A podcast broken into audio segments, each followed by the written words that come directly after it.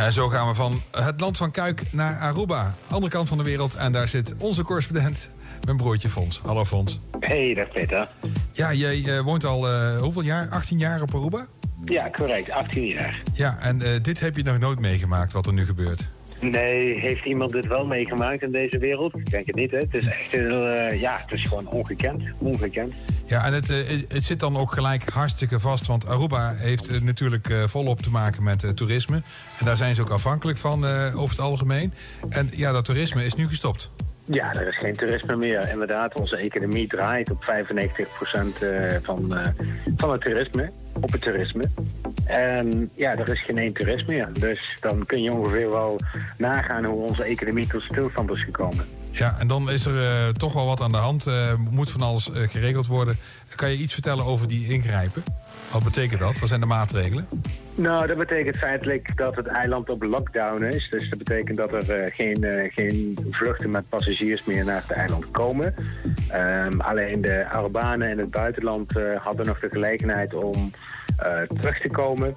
En ik heb begrepen dat er nog één of twee KLM-vluchten gaan eh, om de mensen die nog op het eiland zijn, dus de Europese bezoekers, om die terug te brengen naar Europa.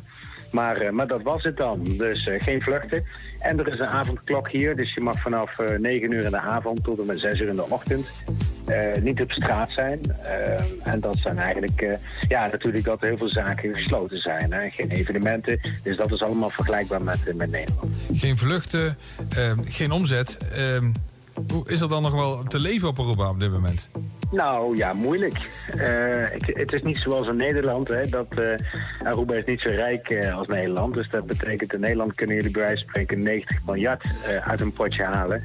Ja, hier is het potje gewoon al jaren leeg. Dus er is niks. En dat betekent inderdaad dat er mensen ja, ver beneden de armoedegrens leven. Ja, er is geen andere optie. Zie je dat zo'n samenleving dan ook creatief gaat worden? Nou, het is maar hoe je het bekijkt. Hè. Eh, natuurlijk, eh, creatief in de positieve zin is dat families wel voor elkaar zorgen. Ehm, creatief in de negatieve zin is dat de geiten die loslopen op het eiland eh, niet meer lopen. die worden opgegeten. Die zijn verdwenen en die verdwijnen in de, in de vriezer eh, op dit moment. Of die worden Correct. opgegeten. Ja, ja Fons, jij als Nederlander, nuchtere Hollander, hoe kijk je naar de toekomst?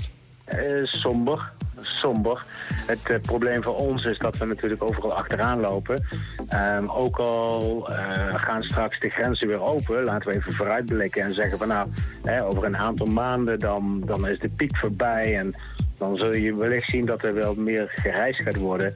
Maar voordat het toerisme opgepakt wordt, wordt wanneer men weer vertrouwen heeft om op reis te gaan en ook het geld heeft om weer te gaan spenderen, ja, zou je zomaar een jaar verder kunnen zijn. En dat is natuurlijk desastreus voor een eiland als Aruba. Ja, het enige wat je altijd gratis hebt is het mooie weer. Maar ja, goed, daar, daar eet je, vreet je geen boterhammen van op dit moment. Daar, eh, ja, nee, daar we daar niks aan. Nee, nee. Oké, Fons, ik, ik wens jou heel veel succes. Eh, ja, wij spreken elkaar maar vaker. En eh, sterkte met de situatie. En over, over een weekje dan kom ik nog even bij je terug om te weten wat de toestand dan is. Oké, ook iedereen land van Kuik. Heel veel sterkte en succes.